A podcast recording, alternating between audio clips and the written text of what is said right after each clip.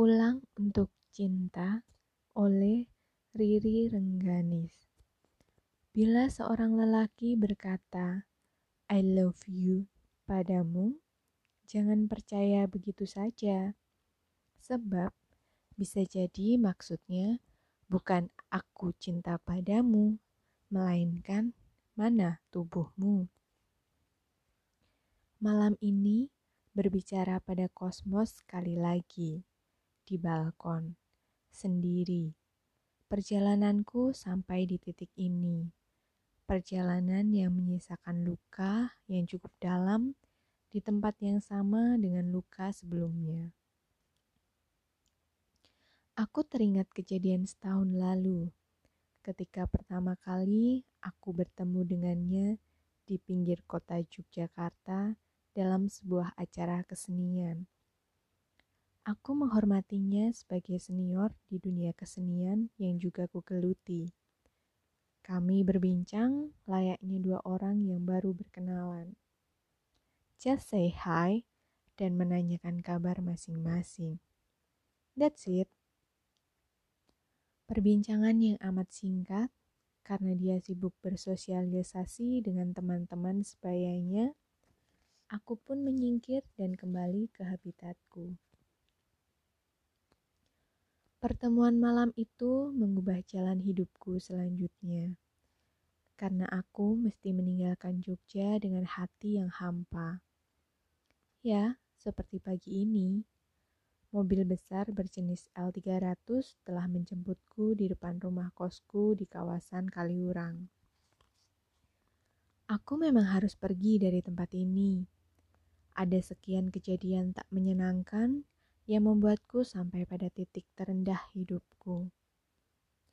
Pak sopir sedang membantuku menyusun barang bawaan dalam bagasi. Aku memang tak berniat kembali dalam waktu dekat ke Jogja. Itu sebabnya aku mengosongkan kamar dari barang-barangku, tak meninggalkan sedikit pun jejakku di dalamnya. Aku ingin kembali ke sarangku yang nyaman kamar di dalam rumah ibuku. Setelah semua barang bawaan tersusun rapi, aku masuk mobil dan duduk tepat di belakang bangku Pak Sopir. Mobil mulai berjalan pelan meninggalkan halaman. Aku tak menengok ke belakang. Niatku sudah bulat. Aku mesti pergi secepatnya. Aku ingin mencuci ingatanku dari segala hal tentangnya. Mobil yang kutumpangi mulai bergerak menuju jalan besar dengan kecepatan 80 km per jam. Bergerak menuju batas kota dan berhenti sebentar tepat di luar pagar Candi Prambanan. Seorang polisi menghentikan mobil yang kutumpangi dan menanyakan surat-surat kelengkapan jalan pada Pak Sopir. Aku memperhatikan percakapan mereka dari tempat dudukku. Aku bukan jonggrang yang memintamu membangun seribu candi dalam semalam. Aku perempuan biasa yang memintamu pergi menjauhiku. Aku perempuan biasa yang memintamu menghentikan segala intrik yang telah kau gelitikan di telinga setiap orang yang kau temui dalam sisa perjalananmu. Begitulah sepenggal catatan yang kubuat dalam gadgetku sembari menunggu percakapan antara Pak Sopir dan Pak Polisi. Iya, aku bukan jonggrang. Jadi, berhentilah mengutuki seolah kau adalah Bandung Bondowoso itu.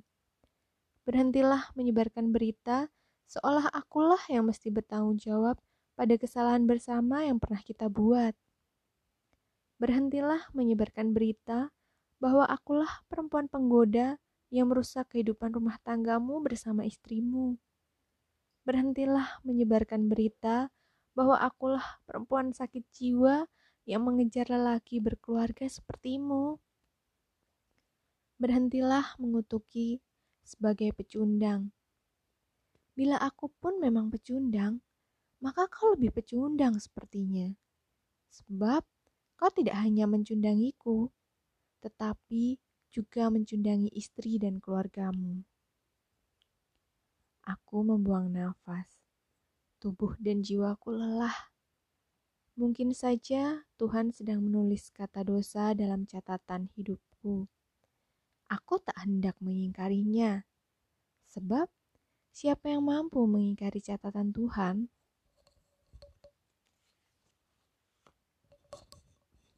Tak ada.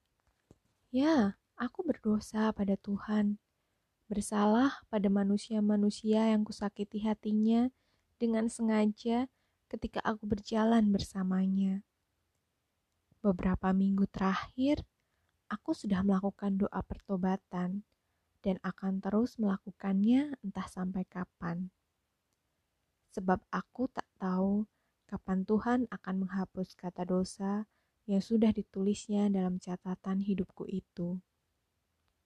Aku membuang nafas. Aku penat, sangat. Apalagi setelah membaca sekian tulisannya di, di jejaring sosial yang memutarbalikkan skala yang pernah terjadi di antara kita. Sekian tulisan yang mengirimku makin dalam ke lubang sampah. Sekian tulisan yang membuatku sebagai pesakitan yang mesti dihukum atas kesalahan yang dibuatnya dan memosisikan dirinya sebagai korban atas permainan yang dimulainya sendiri. It's enough. Bangkit dan berjalan lagi. Dia bukan lelaki baik dalam kenyataannya. Kau hanya dijadikan sekoci penyelamat dan kertas tisu baginya. Begitu kataku pada diri sendiri. Ya, memang begitulah keadaannya. Permainan dimulai ketika dia memberi sekian sanjung puji untuk mendapatkan hati sekeras batu milikku. Dia berhasil mendapatkannya, dan sekarang aku sibuk menyesalinya. Mengapa dulu aku begitu percaya pada sekian muslihatnya? Sebuta dan sebodoh itukah diriku? Mungkin saja memang demikian. Menjelang senja, mobil yang kutumpangi berhenti di depan rumah ibuku. Setelah perjalanan panjang yang cukup melelahkan tubuh dan jiwaku. Pagi yang beda. Aku bangun lebih pagi dari biasanya. Aku bangkit dari tempat tidur dan berjalan menuju meja di kamarku. Menyalakan laptop dan mulai menuliskan sepenggal catatan sebelum memulai hari. Adakah kau pernah melihat buah kuldi? Apakah ia serupa apel ranum yang menggoda mata dan kelenjar ludah? Ataukah ia serupa anggur yang memabukkan hingga kau lupa pulang? Kusimpan catatan itu di folder tulisan baru. Setelahnya, ku buka email dan memeriksa kotak pesannya. Adakah pesan penting yang perlu dibaca? Tak ada. Kumatikan laptop dan berjalan keluar kamar. Seisi rumah mungkin saja masih sibuk dengan mimpi-mimpinya di peraduan masing-masing. Aku keluar rumah, menghirup udara beraroma embun. Mengharap udara itu mampu membersihkan isi kepalaku tentangmu. Tak berhasil juga setelah beberapa lama kulakukan hal yang sama. Ambil nafas, buang nafas. Lantas, kuputuskan untuk mengenakan sepatu dan mulai berlari di sekitar rumah. Berlari hingga aku kelelahan dan berkeringat. Berharap bayangmu dan sekian kata-katamu minggat dengan cepat dari ruang benakku. Sayang, tak berhasil juga meski keringat sudah membasahi sekujur tubuhku setelah sejam berlari. Hari ini adalah hari ke-100 setelah aku memutuskan untuk pergi dari kisah sampah itu. Seratus cara sudah kulakukan demi melupakanmu. Aku hampir berhasil. Sayangnya, Tuhan punya rencana lain untuk membuatku lebih kuat. Setelah sekian lama aku tak menengok akunku di jaring sosial, pagi ini aku mulai memberanikan diri untuk kembali mengunjunginya. Mengunjungi teman-teman mayaku. Sayang, niat untuk mengunjungi teman-teman Maya mesti terhenti ketika kulihat ada sebuah pesan di kotak pesan. Pesan darimu pesan yang membuat dadaku berdesir dan ingin sekali membalas pesanmu. Namun, buru-buru kuurungkan niatku. Sebab aku telah berjanji untuk tidak membalas segala pesanmu setelah hari itu. Setelah kau mengirimiku pada titik terendah dalam hidupku. Dadaku berdesir bukan karena aku masih menyimpan rasa yang sama padamu melainkan aku ingin sekali menutup mulut sampahmu. Mulut yang hanya bisa kau gunakan untuk merendahkan orang lain. Orang yang pernah berkorban prinsip untukmu. Maaf, aku bukan orang yang sama. Aku pernah terluka olehmu. Aku tidak akan membiarkanmu melukaiku lagi. Dalam pesanmu, aku membaca kau menyebutku pecundang. Aku membaca kau menuliskan ancaman bahwa kau akan melaporkanku pada atasan tempatku bekerja atas kesalahan bersama kita. Silahkan saja jika hendak melaporkan pada mereka. Toh, mereka bukan orang-orang bodoh yang tak punya nurani. Setiap kesalahan dilakukan karena ada penyebab yang mendahulunya. Aku salah, kau juga. Aku bertobat, entah denganmu. Aku tak peduli. Bukan urusanku pula. Kututup kotak pesan, kututup akun di jaring sosial, dan mulai mulai menulis sepenggal catatan lain. Adakah kayu bakar yang basah dapat menyala dengan sendirinya? Adakah kayu bakar yang basah dapat membakar seisi rumah tanpa dikeringkan? Aku adalah kayu bakar yang basah. Hadirmu yang mengeringkanku. Aku tak ingin berdebat apa pun lagi denganmu, sebab kau selalu membenarkan apa pun demi kepentinganmu. Demi citra baikmu terjaga di luar sana, dan menjadikanku sebagai pendosa di mata sekian orang yang telah kau kirimi kisah dalam versimu. Aku tak ingin berdebat apa pun lagi denganmu, sebab Tuhan tahu ia hanya menunggu. Aku pun sedang menunggu Tuhan mengangkat dosa-dosa dalam catatan hidupku, terutama bab pertemuan denganmu. Pagi ini adalah pagi kesekian. Tanpa sengaja, aku membaca tulisan di dinding akun jejaring sosialmu. Tulisan yang bila dibacakan pada orang buta sekalipun bisa dimaknai bila penulisnya sedang gandrung pada seorang perempuan. Ya, sepertinya kau memang sedang gandrung padanya. Pada perempuan yang pernah kau sanjung-sanjung di hadapanku, ketika kita masih bersama. Perempuan yang membuatku meninggalkan Jogja dan belajar berdamai dengan diri sendiri.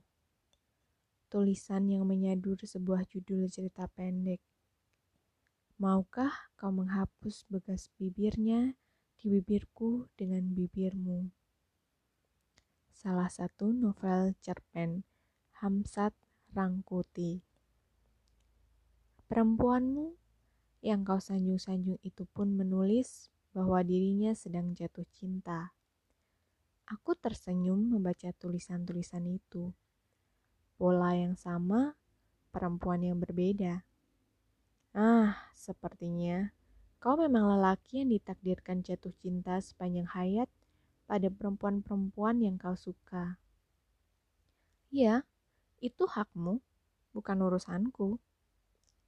Aku tersenyum, mengingat seorang ibu yang pernah berpesan demikian padaku. Bila seorang lelaki berkata, I love you padamu, jangan percaya begitu saja. Sebab bisa jadi maksudnya bukan aku cinta padamu, melainkan mana tubuhmu. Pesan itu benar. Aku terlambat menyadari kebenarannya, tetapi belum terlambat untuk memperbaiki kesalahan yang pernah kuperbuat. Aku sedang berjalan kembali pada jalurku, pada prinsip yang pernah kulanggar sendiri, karena pesonamu pernah begitu menggoda. Iya, pernah begitu menggoda. Sekarang, tidak lagi. Sebab ada sekian paradoks yang kusadari di belakang hari. Sebab ada sekian kisah bohong yang pernah kau jejalkan dalam benakku. Sebab ada sekian dusta yang kau kirim pada penglihatanku. Sebab segala yang pernah kau sodorkan padaku adalah kuldi yang membuatku mabuk dan lupa jalan pulang.